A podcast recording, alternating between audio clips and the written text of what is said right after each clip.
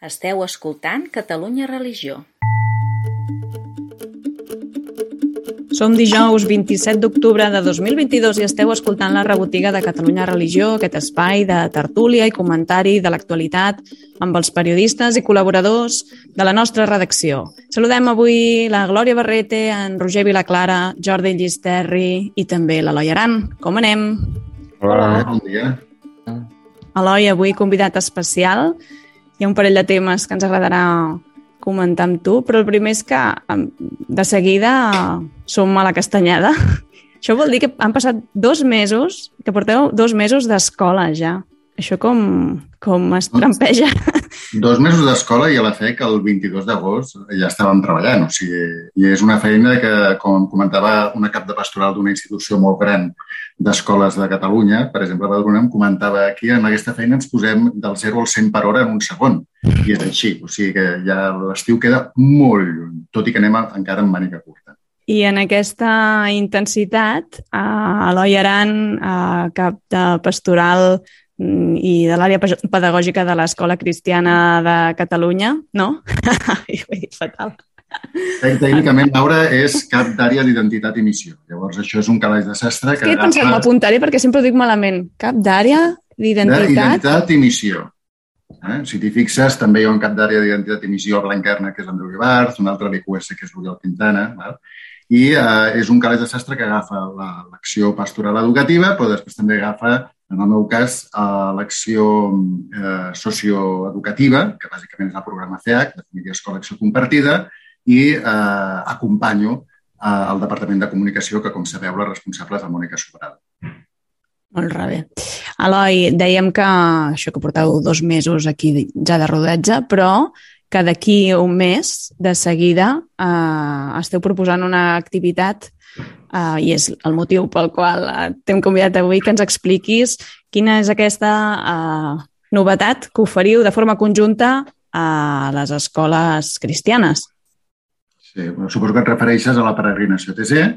Exactament. Això, eh, que heu tret una notícia molt bona, i a més està molt bé perquè heu comptat també amb la complicitat d'una institució que ja fa temps que hi va, que, que ha obert camí en aquest sentit, que és la Companyia de Jesús, és a dir, les escoles dels jesuïtes ja fa anys que, que hi van, hi ha altres institucions que també s'hi afegeixen, també hi ha institucions que també fa anys que hi van, per exemple, el Sagrat Cor de Sarrià, em consta que també hi van, eh, les altres escoles de Sagrat Cor que estan en una altra fundació també, etc. No? O sigui, anar a TC és una cosa, diguem, relativament normal per, la, per les escoles eh, cristianes aquí a Catalunya, perquè potser tenim aquesta tirada no? anar cap a França i de més, i, eh, i per tant, és, és una cosa com, com molt nostrada. Però què passava? Que eh, hi havia escoles, o institucions o escoles petites que no omplien un autocar.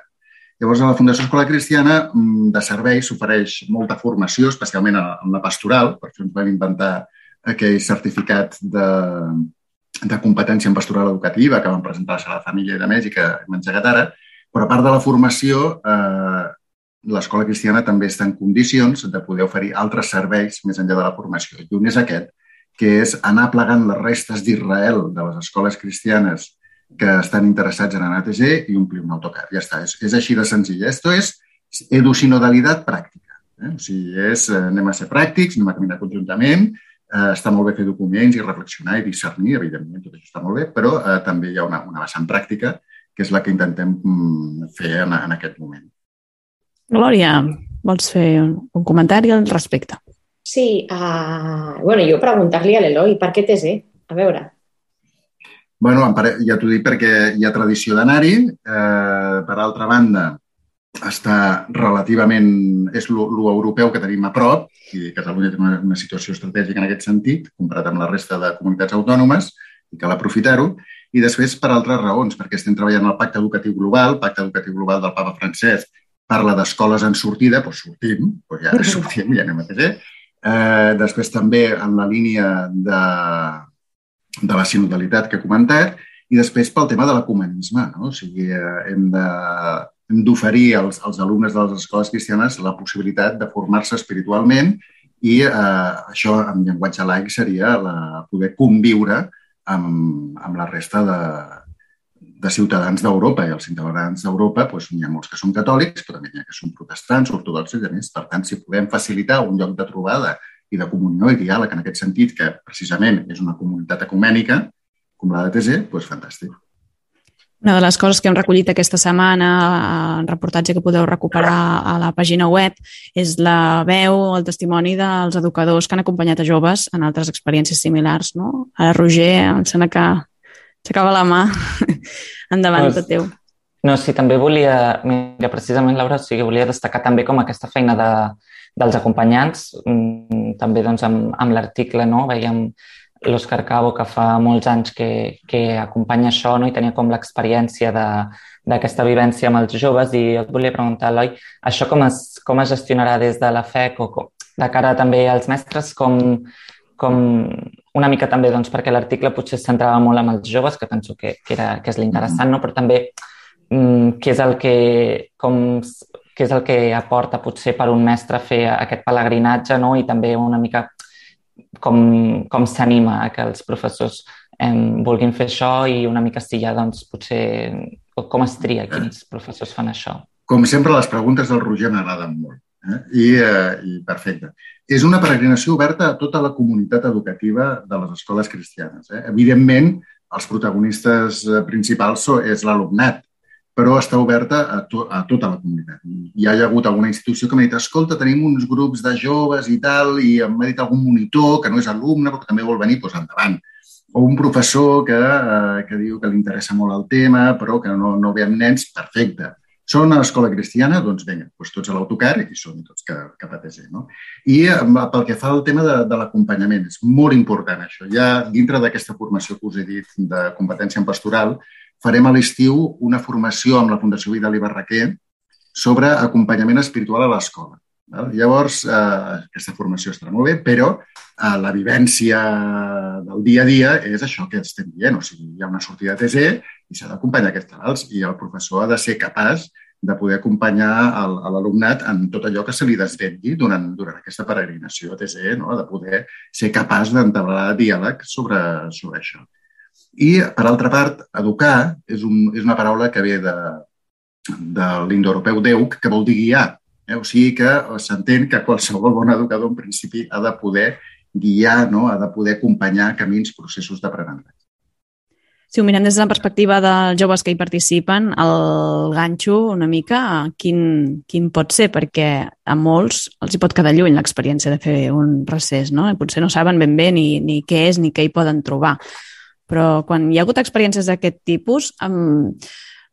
una cosa que a vegades sí que surt és, és l'experiència de xarxa. És a dir, tu poses en, no, en confluència diferents realitats i es coneixen i fan amistats noves, no? És aquest punt que també no, necessita la joventut en, en aquesta experiència que, que després hi tot un treball d'interioritat, no? però que també és relacional no? i estableixes vincles que, que perduren al, al llarg del temps. No sé si això us ho trobeu, si és una cosa buscada.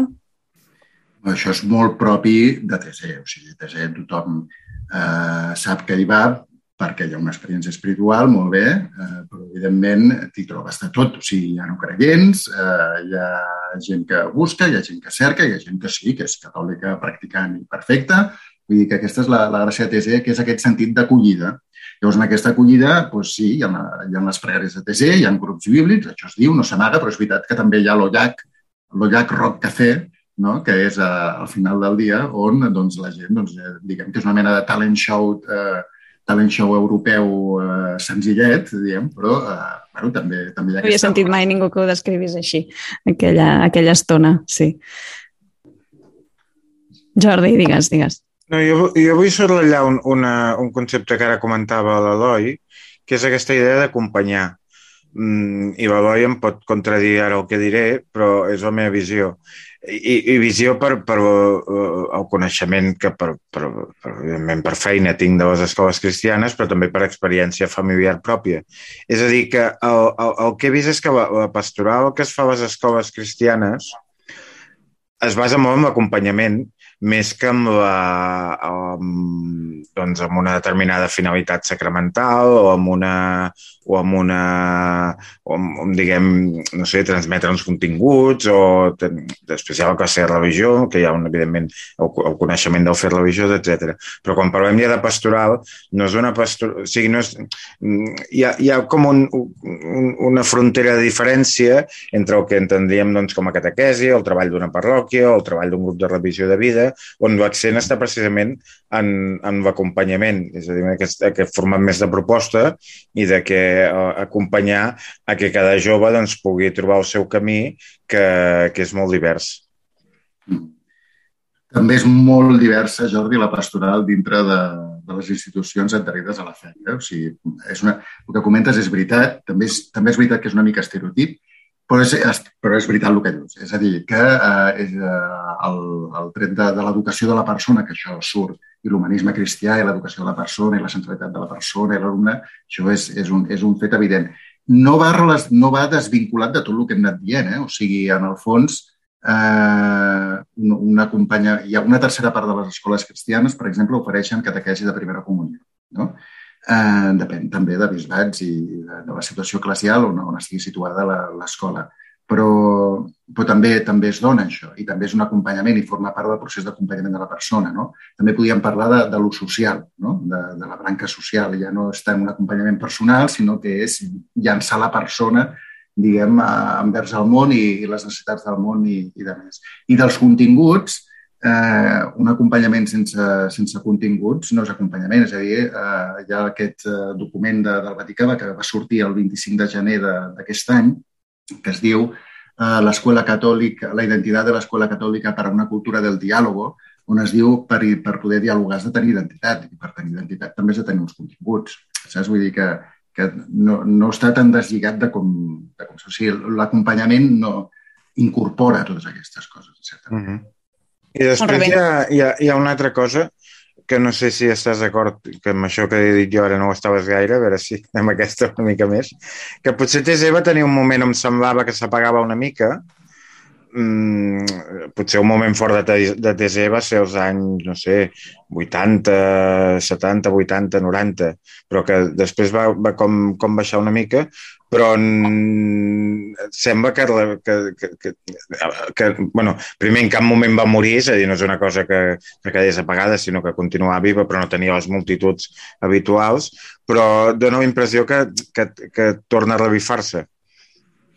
Segueix sent, segueix sent testimonial. No hem d'oblidar que el 2000, que home, ja fa uns anys, eh? o sigui, l'última trobada nadalenca muntada aquí a ITC va ser el, el Nadal del 2000, ja han passat 22 anys. O sigui, sí, però per exemple, que... perdona, boi, la trobada del sí. 2000, diguem, sí. a nivell, com a mínim de gent, va ser menys multitudinària que la que hi havia hagut, ara no recordo si era l'any 80 molts.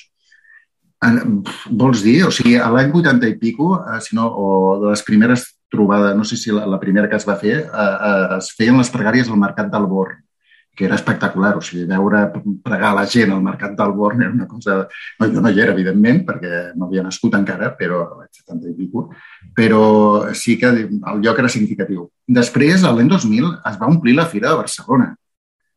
Va ser molta gent. Jo crec que a Barcelona té, té un reclam com a marca que eh, el que va ser participació europea no sé si, si va ser menys. Eh? O sigui, potser de gent d'aquí ho hauríem de veure, no sé, no, no tinc les dades. Bueno, les pregàries ATC en diversos punts de Catalunya s'han mantingut sempre. Sí, sí, i a més s'estan coordinant. És a dir, ara, mica en mica, eh, estan oferint un, un, unes pregàries conjuntes cada un cop al trimestre, una cosa així, de les diferents comunitats que munten pregàries de TC i tal. Això també està incorporat dintre d'aquesta proposta que fem d'anar de TC.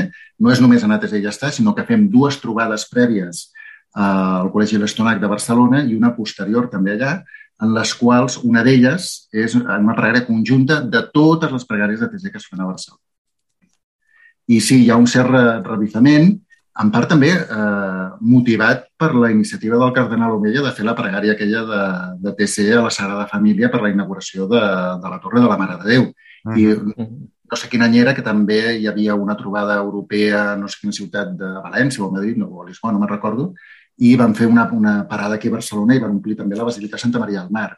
És a dir, no ha acabat això mort. I no sé si això pot ser preludi o preparació perquè pugui tornar a haver-hi una trobada de Nadal aquí a Barcelona. Uh -huh. Perfecte, doncs queda anotada aquesta convocatòria a tota la comunitat educativa de les escoles cristianes per agafar, anar omplint autocars, camí de TZ per la, pel pont de la Puríssima. Uh, trobareu tota la informació al web. Sí que, ja que estem aquí eh, parlant d'experiències espirituals i tota, tota aquesta vessant, aquesta setmana s'ha inaugurat al Museu Diocesà de Barcelona, a Cia Roger, una exposició que explica el poder transformador d'una ferida, concretament la de Sant Ignasi de Loyola. Com ha anat això? Doncs sí, sí, així és com, com tu dius, vam anar al que és la presentació, també la inauguració, però eh, sobretot a la presentació doncs, ens explicaven una mica què és una exposició que li diem exposició, però que ells remarcaven molt que era una experiència i que no era una cosa de quadres i pintures només, no? sinó que la intenció que té el Museu Diocesa de Barcelona i els jesuïtes és d'aquesta exposició doncs, fer-ne una experiència i, i per fer-ho el que han fet una mica és parlar de, de la vivència de Sant Ignasi, no? d'aquesta experiència espiritual i traslladar-la a, a la visió doncs, del que es deien del segle XXI, no? d'avui dia. Llavors, el que fa una mica l'exposició, el que té d'especial és que mm, la fas amb una audioguia i aquesta audioguia et va, et va presentant la vida de Sant Ignasi i et te la contraposa fent-te, doncs, plantejant-te preguntes o plantejant-te debats que podries tenir avui en dia i que podrien assimilar-se als debats que va tenir Sant Ignasi. No? O sigui, aquesta seria una mica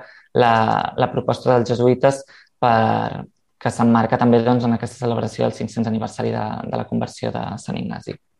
I recordes algun, algun d'aquests interrogants o debats eh, concrets, per posar algun exemple? Mira, sí. Alguna cosa que ens puguis explicar de la teva vida que t'hagi convertit? A veure, faré una mica, faré una mica de spoiler, però... Faré una mica de spoiler, però... No, no. Un, una de les coses que recordo és que, bueno, primer es parlava una mica com de, de l'èxit de Sant Ignasi, en el sentit que a l'inici, quan en la seva etapa com a guerrer, doncs, era com un home d'èxit, per dir-ho d'alguna manera, no? Llavors tu contraposa eh, parlant de les persones que tenen èxit avui dia, no? Llavors hi havia com un espai amb imatges de persones que avui dia diríem que, que són exitoses. I de sobte, en, en aquest mm, collage d'imatges, doncs, hi ha un mirall perquè t'hi vegis tu, diguéssim. I una mica et pregunta, no? Ets, ets una persona d'èxit, eh, doncs considera què és per tu l'èxit, et fa aquestes, aquests interrogants mm, perquè tu vagis reflexionant. No? I fins i tot també el que deien, i també ho vam, ho vam veure perquè vam fer com un recor el recorregut de l'exposició, és que al final també la idea és sortir una mica doncs, amb, amb un objectiu o amb, o amb alguna cosa que em portar-te a casa, o sigui, no sortir a l'exposició havent vist doncs, això, mm, quadres i pintures i tal, que també n'hi ha, no? i escultures, però sí com amb un propòsit, et conviden a sortir amb un propòsit per millorar en els propers dies, etc. Que posen deures, vaja. Exacte, posen deures. Sí, que qui no tingui ganes de treballar, que no hi vagi. D'aquest treball interior, s'entén. Sí. Molt bé, uh, una invitació a convertir-se, no? Per tant, i amb aquesta visió de tocar el cor d'aquí d'aquí mm, posa els peus en aquesta exposició. Uh, Eloi, tu no has tingut temps encara tampoc de, de visitar-la. No l'he vist, però pel, pel que diu el Roger, tot apunta que és, és molt ignasiant en el sentit que són uns, uns exercicis, o sigui, la, plantejar l'exposició com uns exercicis espirituals. No m'estranya perquè el, el comissionat, si no m'equivoco, era el Josep Maria Riera, que havia estat cap del Departament de Béns Immobles de l'Arcabisbat de, de Barcelona fins fa just abans de la pandèmia que, que es va jubilar. I també, dintre d'aquest equip, dintre d'aquest equip hi ha un arquitecte molt bo també, que és el Quintanilla, que eh, és eh, ha estat a Xile, però durant un temps va estar aquí a Barcelona i també va fer propostes interessants. No? Per exemple, eh, sabeu que es va, es va reformar la capella del Santíssim de Santa Maria del Mar, que hi ha, hi ha, hi ha una instal·lació nova i de més.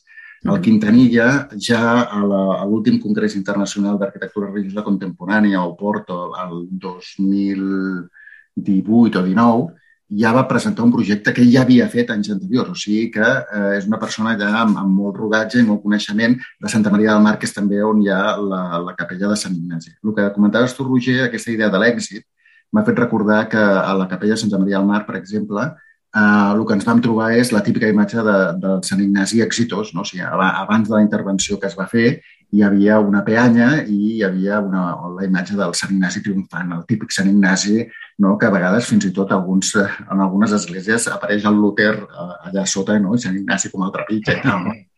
El, o sigui, l'església triomfant catòlica. El cavaller vencedor, no? Exacte, uh -huh. el cavaller vencedor, amb el llibre, la MDG, el Major de Glòria, i de més. No? I això es va transformar amb el Sant Ignasi peregrí, descalç, no? que, de l'escultura que va fer en, en Lau Feliu, fantàstica. Que ara jo crec que, quan parlaves de la ferida, jo crec que, que, i de la conversió, jo crec que, que s'està, diguem, com, com reprenent, confirmant això. No? De fet, la, la, durant el curs passat, a Cristianisme i Justícia va muntar aquelles xerrades que era de la ferida al cor del món, que era també reflexió sobre els 500 anys de, de conversió de Sant Ignasi, i està bé, o sigui, mantenir la ferida, mantenir els exercicis, mantenir la conversió, no? jo crec que, que està introbat. Molt bé. Has citat el, el, del teu gremi, els, els promotors del món del patrimoni, de l'arquitectura que hi ha darrere. També hem de citar un gran comunicador que hi ha darrere tirant endavant el projecte, que és Oriol Llop, que de fet en la, en la presentació que es va fer als periodistes és qui va, qui va explicar tot el, tot el projecte. Molt bé. Escolteu... Hi ha, hi ha una, oh, perdona, una, sí, una digues, punt digues. de, de, de, de, de l'exposició que ahir el, amb la presentació, amb la inauguració que es va fer a la tarda amb el cardenal Amella i el, i el provincial dels jesuïtes, l'Antoni Espanya, el, el provincial dels jesuïtes va, va, va fer un apunt que a mi em va semblar interessant, que parlant doncs, també de la gent que hi havia col·laborat i tot això, clar, va explicar que a darrere de, de tot aquest treball, doncs, entre els noms que va citar, que havia destacar la, la, la gent que tenim a Catalunya que ha portat molt en el, en el que és el treball i la difusió de l'espiritualitat en, en general i de l'espiritualitat eh, jesuítica en particular. I són tres noms que segur que molta gent tindrà situats, que són el pare Francesc Riera, el pare mm, Xavi Maloni i el pare Rambla. I els va, són els tres, diguem, jesuïtes que, que va citar com a, disculpeu, aquí tenim un, a part del patrimoni, de les exposicions i tot això, al final tenim gent a darrere doncs, que són els que després eh, fan possible que això acabi cristal·litzant amb totes el, el, el, la pila d'iniciatives que hi ha hagut també aquí a Catalunya al voltant de, dels 500 anys de l'estada de Sant Ignasi. Del, del Rambla em va caure a les mans un llibre abans de l'estiu que em va enganxar molt i era un llibre purament teòric, eh? però vaig pensar, ostres, se sap explicar molt bé i que era la relectura, una lectura literal eh, interpretada dels exercicis no? espirituals, em sembla que és de l'editorial Eides, que fan aquest tipus de, de publicacions. I vaig pensar que ajudava a fer el pont d'una cosa que, que sí, que té 500 anys d'història i podia caure lluny, però que segueix parlant avui, és que té una potència espectacular, no? tot el treball que va fer Sant Ignasi. Jo crec que aquí és quan veus que hi ha coses que són realment autèntiques, no? quan, quan perduren. Si ara apareix un gurú i diu no sé què, però d'aquí, no? Se'n parlarà d'aquí un temps, um, però no ja per un tema de, de allò, glòria de la persona no? que, que tindrà el seu nom eh, fixat a la història, sinó allò servirà per ajudar i millorar les societats. bueno, bé, una cosa que, que em feia pensar, i ara que he citat el seu nom, en Jordi, em semblava que era de rebut doncs, d'apuntar-ho. No, i, un fil que també em fa estirar el Paralamba és que, el, el, com hem dit a la inauguració, hi havia el cardenal Omella i el provincial dels jesuïtes, i és una, una iniciativa dels jesuïtes que es fa al Museu Diocesà, que és de l'Arcabisbat, i això també es va destacar en la presentació, és a dir, és una col·laboració. I precisament en el, en el treball que s'està fent a Barcelona amb el Pla Pastoral Diocesà, amb tot el procés també sinodal i tal, una de les persones amb qui, amb qui hem comptat per incentivar-lo, per, per, per centrar-lo, per, per, per donar-hi gruix, és el Pare Lambla. Mm, i que al final eh, d'aquesta col·laboració sempre és beneficiosa per tothom. El pare Rambla fins i tot li van permetre fer la homilia a la Basílica de Sarà, la missa que es va fer a la missa dels 500 anys de Sant Ignasi, es va fer una eucaristia de cluent de la Sagrada Família i va fer el sermó al pare Rambla a Betil Cardenal, Vull que, que també és un, un fet significatiu. Uh -huh.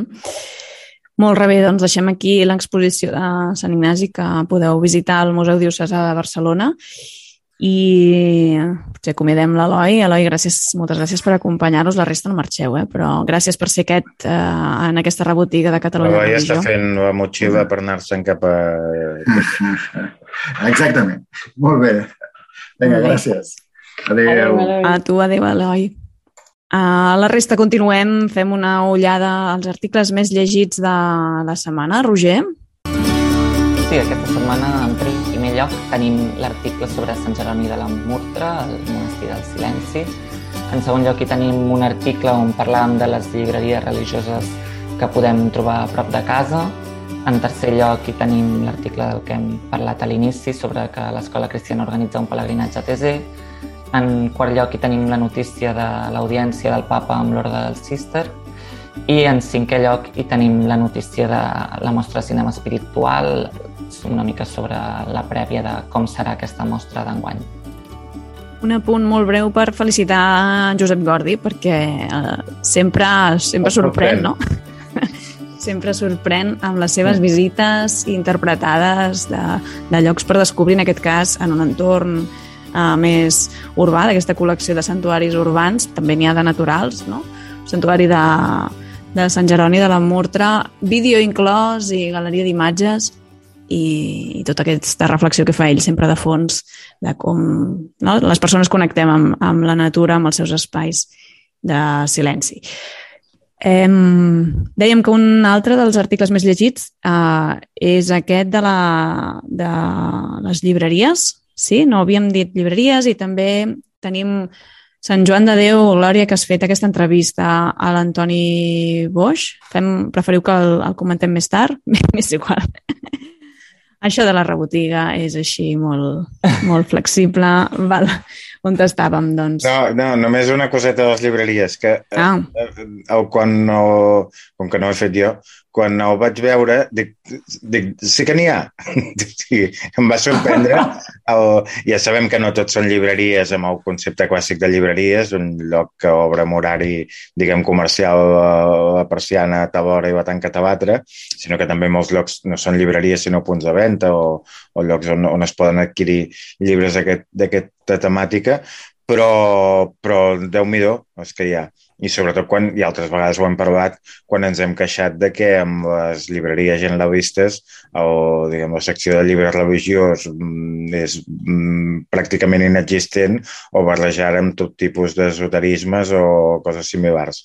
Per tant, doncs, eh, crec que ha estat, ha estat bé poder detectar eh, que, que, que aquests punts on, on la gent pot adquirir llibres d'aquesta temàtica tracta de tot un llistat no? uh, que recopila una vintena llarga, 26 d'aquestes uh, llibreries o espais on es pot trobar llibre religiós, d'inspiració cristiana, totes les que hem, hem triat, des de mm. les clàssiques no? I, i ara amb, amb canvi de localització que és a la llibreria Claret, que impulsen els missioners claretians des de fa molts anys, que ara és el barri de Gràcia. Convidem aquí també la gent a descobrir aquest nou espai que queda a mi, jo hi vaig estar l'altre dia, setmana passada, em va agradar, un espai recollit i, la veritat, molt acollidor. I Bé, ah, aquesta primera llibreria dèiem més clàssica, des de les També, Paulines, perdó, eh? etc. Eh? Una bona notícia és que allò abans era una sucursal bancària i ara és una llibreria. Jo crec que això és un, és un signe de que el país encara té coses progressa. que millora i progressa adequadament. Progressa. A veure, des d'aquí dir un llarga vida a les llibreries, que són espais mm, privilegiats de trobada amb la persona que et recomana, que sap, que, no? que té el context, que, et pot, que si et coneix et pot dir mira, ves per aquí, ves per allà, i que això, mm, el, el, la llibreria digital costa més de que passi, encara que tinguin tots els algoritmes per saber què ens interessa i què no. no? Aquest punt de sorpresa de remenar i descobrir un títol, segur que, que el compartim tots els que estem aquí. Eh? Mm. Eh, i bé, I doncs això... Destacar... Sí, digues, Roger. Res, un petit apunt, però que també i ho destacàvem en l'article, que si hi ha algú que troba faltar una llibreria en aquest mapa, que ens ho faci saber a través del correu info.catalunyareligió.cat perquè també una mica la idea és, ostres, si ens hem oblidat d'alguna o si se'ns ha passat alguna, doncs podem ampliar aquest mapa i tenir-lo actualitzat. Exacte, una invitació a la participació sempre i la col·laboració.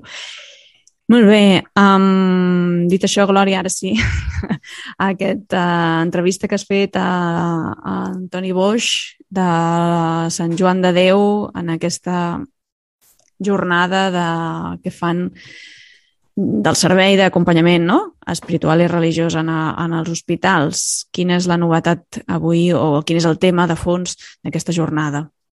De fet, eh, començaria dient tema complex de la setmana, perquè era un tema d'entrada difícil, la culpa i, i el patiment enllaçat amb la malaltia, clar, eh, com a tema de jornada acadèmica potser està bé, però explicar això en paraules de mortals normals era complicat.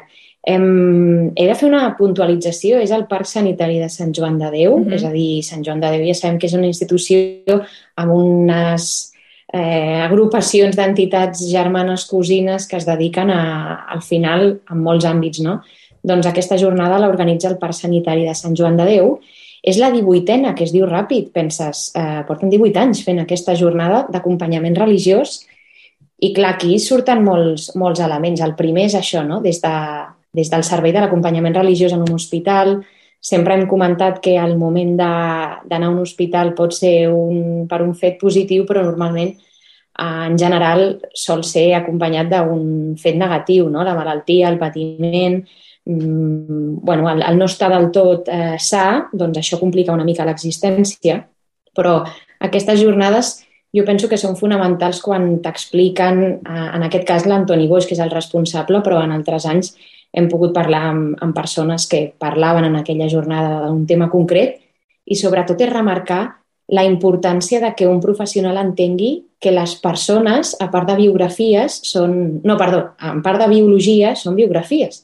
Mm. És a dir, mm, allò clàssic no, i tòpic que total, tota, tota la gent que ha passat per un hospital, per un CAP, per un ambulatori, per un metge, allò que et diuen que no et miren als ulls, això jo crec que positivament es va, es va demostrant i va evolucionant cap endavant, però també hi ha aquest punt de sobresaturació del sistema que no permet recordar que davant tens una persona no? amb una quantitat de, de motxilla i bagatge en el qual el fet religiós pot ser vital en molts casos. No? Llavors, en aquesta jornada d'aquest any es parla de la culpa i el patiment i clar, podríem pensar, bueno, la culpa per estar malalt o la malaltia porta un cert patiment, eh, al final el patiment es pot esdevenir una malaltia, era, era complicat. Però el que jo he intentat respondre a través de, de l'entrevista amb l'Antoni Boix és que hi ha una certa part de culpa que et pot generar un patiment i hi ha una certa part de malaltia que pot, eh, pot ser generada a partir d'una pròpia culpa. És a dir, allò tan clàssic de que et receptin analgèsics quan de debò el que necessites és ser escoltat o desfogar-te o tenir un espai o inclús aquesta buidor existencial que, que biològicament et fa mal. Hi ha moltíssima gent que s'apropa als hospitals dient que refereix un dolor que és real, dolor de mal de panxa, dolor de mal de cap, um, insomnis, una quantitat d'efectes secundaris biològics que tenen raó en, en, en un fet espiritual. Si això un professional no ho té en compte, com podrà entendre um, quina és la millor manera? Tu pots receptar analgèsics, ansiolítics, etc, però allò continuarà aquí, no? I, I crec que és molt interessant i un apunt que em feia l'Antoni Boix és que portaven dues setmanes de promoció interna, diríem, d'aquesta aquest, jornada i l'aforament presencial de 250 persones ja estava complet i, i va dir, i, no, no és que anem arraconant la, els professionals perquè hi vagin i els hi donen punts per anar-hi, sinó és, eh, era una necessitat que senten. No? Jo davant tinc una persona, necessito entendre més com acompanyar a una persona que em refereix coses com la culpa o la malaltia. I aquí la conversa va ser molt interessant. Um, jo crec que que vaig remarcar molt poques coses a tot el que vam parlar perquè vaig pensar que la jornada també es pot seguir online i realment era molt, molt...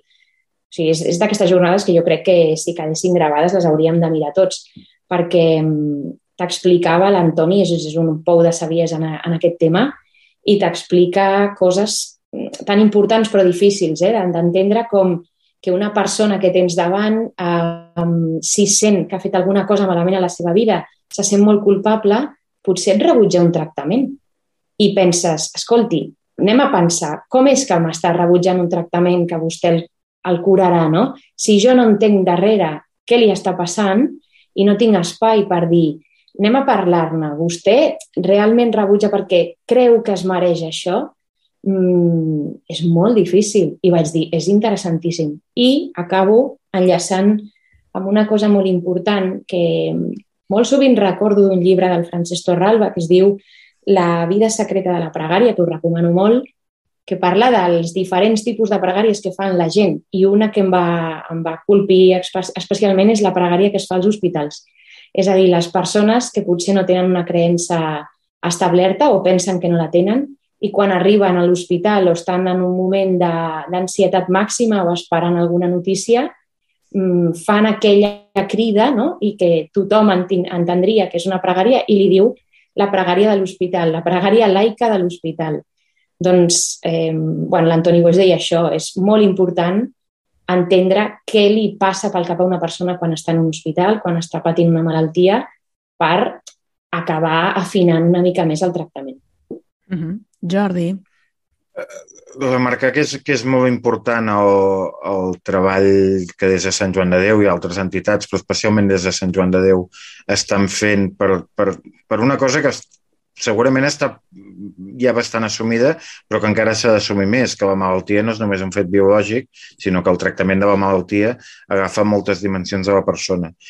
Això no és cap novetat i altres, altres estem a la 18 no heu dit, de, de jornada, doncs és una mica, el, el, entenc el leitmotiv de tot aquest treball que s'ha fet, però eh, em crida l'atenció que encara hi hagi coses com el concepte de culpa, és a dir, que um, quan ho vaig llegir vaig pensar, pensar que era una cosa potser algú amb una cultura molt, molt tradicional i molt antiga encara pensa això, però si ho tracten és que realment això mmm, no, no s'ha no eliminat del nostre marc mental o espiritual eh, i realment ho, ho, dir, ho trobo preocupant. O sigui, que, que, que, que encara es pugui lligar amb dir això és que és un càstig o m'ha tocat o he de patir perquè, per, per, per, per, per tal motiu. Eh? Després cadascú es pot fer les seves, la, el seu, la seva situació, no?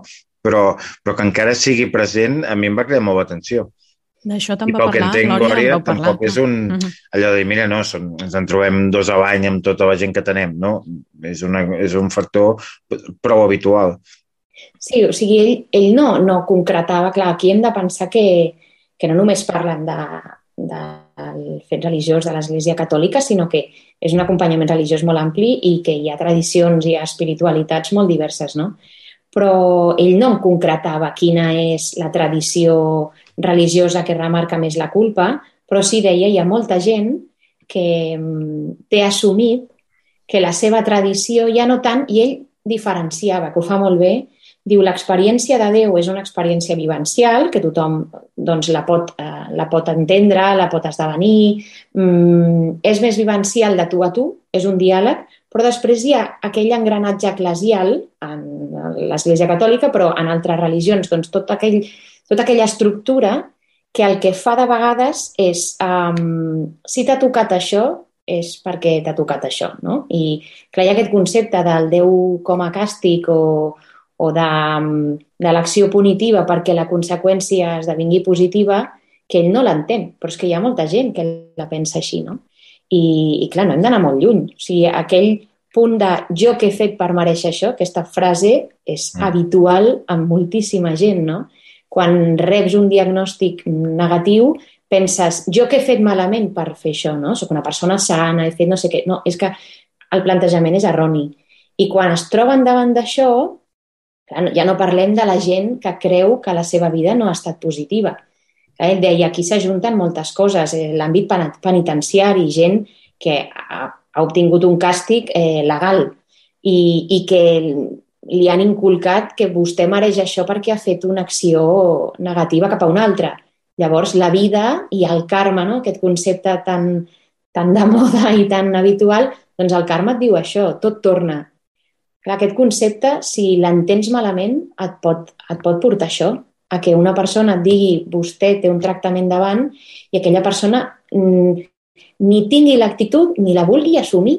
I clar, mm, si li diu, bueno, d'acord, al final és voluntàriament, un tractament mèdic, no? I aquí s'ha d'anar al tanto. I també per acompanyar, ell deia, no és per imposar un tractament, no és que tinguin ara un percentatge de persones que rebutgen i vulguin revertir aquesta situació, sinó és per entendre què està passant, bàsicament, i acompanyar mm, a la persona. Després potser el resultat no canviarà. M'ha fet pensar, un tema, trobo un tema interessantíssim, eh? M'ha fet pensar a l'última jornada Mm, Sant Jordi, que es va organitzar això el, el curs mm, passat, el 2021. El sí, el mes de novembre de l'any passat. Uh, hi va participar la, aquella escriptora i teòloga francesa, us en recordeu? Marion Müller-Collard, sí. que va, va estar parlant del tema de la culpa i d'aquest Déu, no? aquest model de Déu que, que tu, si et portes bé, tot anirà bé, no? Perquè eh, allò de causa-efecte i, bueno, en fi, jo he fet tots els deures, sóc una bona persona, no em barallem, no? Tens, i de cop, pam, la malaltia, ostres, quina contradicció, no? La mort, el dolor, el patiment, això per què, no? Aquesta, aquesta raó, bueno, sempre, no? La, la gran i eterna pregunta del, del per què del mal, no? Doncs poder tenir eines per sortir d'aquesta dinàmica de pensament jo crec que és imprescindible. I mm. felicito des d'aquí també especialment tot l'equip que, que pensa, organitza i promou aquestes sessions perquè les necessiten els professionals, tal com has dit, no? que les busquen i estan ja tots apuntats i des de l'àmbit també del, del pacient no? que està aquesta possibilitat de tenir el, un professional davant que, com deies, Glòria, et mira els ulls no? i t'entén com a persona amb tota la globalitat no? i no s'afanya a receptar-te pastilles, sinó que fa un pas més enllà.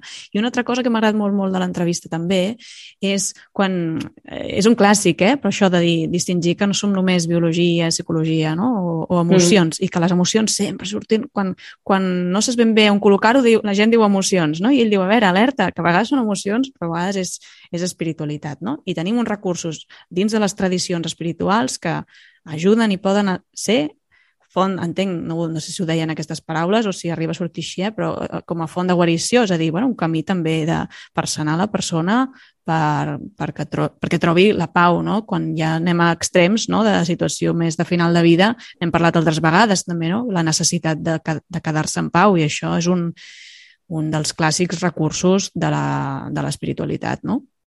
Clar, jo, eh, i jo crec que per acabar, perquè, perquè és un tema... Sí, d'anar tancant. O sigui, realment era molt complex dona, dona i, sí. i d'aquells temes que després et queda com un pòsit i penses, uau, és que mm, no en tenim ni idea, no? Nosaltres. Però, però bueno, et venen al cap situacions i, bueno, no, no sé si recordeu, no fa gaire, que el, a la Generalitat de Catalunya, justament, jo crec que al Departament de Salut es parlava de si s'havia de receptar, bueno, i s'ha dit alguna vegada, lleure, no? I dius, clar, és que mm, evidentment quan hi ha, un, hi ha una malaltia concreta doncs el tractament no pot ser només lleure, no? Però, però com un complement. I, I jo sempre havia dit de broma, quan, quan en pics de feina i tenies l'oportunitat d'anar a fer un cim, en, en el meu cas, eh, però una altra persona doncs, gaudirà de la platja o d'un altre, altre tipus de lleure, i acabar la jornada i dir és que això m'ho hauria d'haver receptat el metge, no? Mm -hmm. Doncs eh, m'encantaria eh, somiar com una sanitat on, on diguin, bueno, un moment, vostè què, què té? Al final s'ha trencat el genoll, doncs anem a arreglar-li. Però vostè què té? Una angoixa vital? Després que hem parlat, doncs li recepto que s'apunti a aquest grup excursionista d'aquest barri o igual que hi ha grups de suport de moltes coses, doncs a, a vostè li, li convé això. Hi ha gent gran amb, amb una solitud espectacular que jo crec que s'estalviaria la sanitat i la societat en general una gran quantitat d'ansiolítics i amb una recepta d'apuntis aquí a fer voluntariat a Càritas, que segur que l'acolliran, eh, l'atendran i tindrà vostè una sensació de servei a la humanitat que se li passaran tots els mals. Doncs des d'aquí, els metges de Catalunya, si plau, que facin un receptari només d'activitats lúdiques perquè doncs, em consta eh, que hi ha gent que ho fa, que ho proposa, però tant de bo estigués més establert. I segur que el metge, com a lleure, no et recomana veure sèries a Netflix o coses d'aquest tipus. Clar, sí. que et quedis a casa i, i apuntis a una plataforma. Sí, no, no, si no. sortís amb gent, al final el contacte en grup també és el, el que t'ajuda. Mm -hmm. Molt rebé, escolteu, gràcies per Sí, ser ho hem tancat ja com a metges i tot, ja, ja, Ja està. ens atrevim a tot. Sí. Sí, sí, sí. Sí, sí, sí, professors, teòlegs, arquitectes, Sí, metges, sí. ja ho dominem tot. Comunicadors, tot, tot. tot, tot. Va, uh, gràcies per La acompanyar-nos una setmana que setmana ve més tractarem el dret a la canònic. rebotiga. Què dius que hem de tractar? El dret canònic, que també som El experts. en canònic, mare meva. No, en fi. Uh, gràcies, gràcies per ser aquí a la rebotiga. Gràcies, Roger, Vilaclara, Jordi Llisterri, Glòria Barretes. S'acomiada a una servidora, Laura Mor, fins la setmana vinent. A veure, Adéu. Adéu. No us mengeu molts panellets i castanyes. No hem dit res de la castanyada.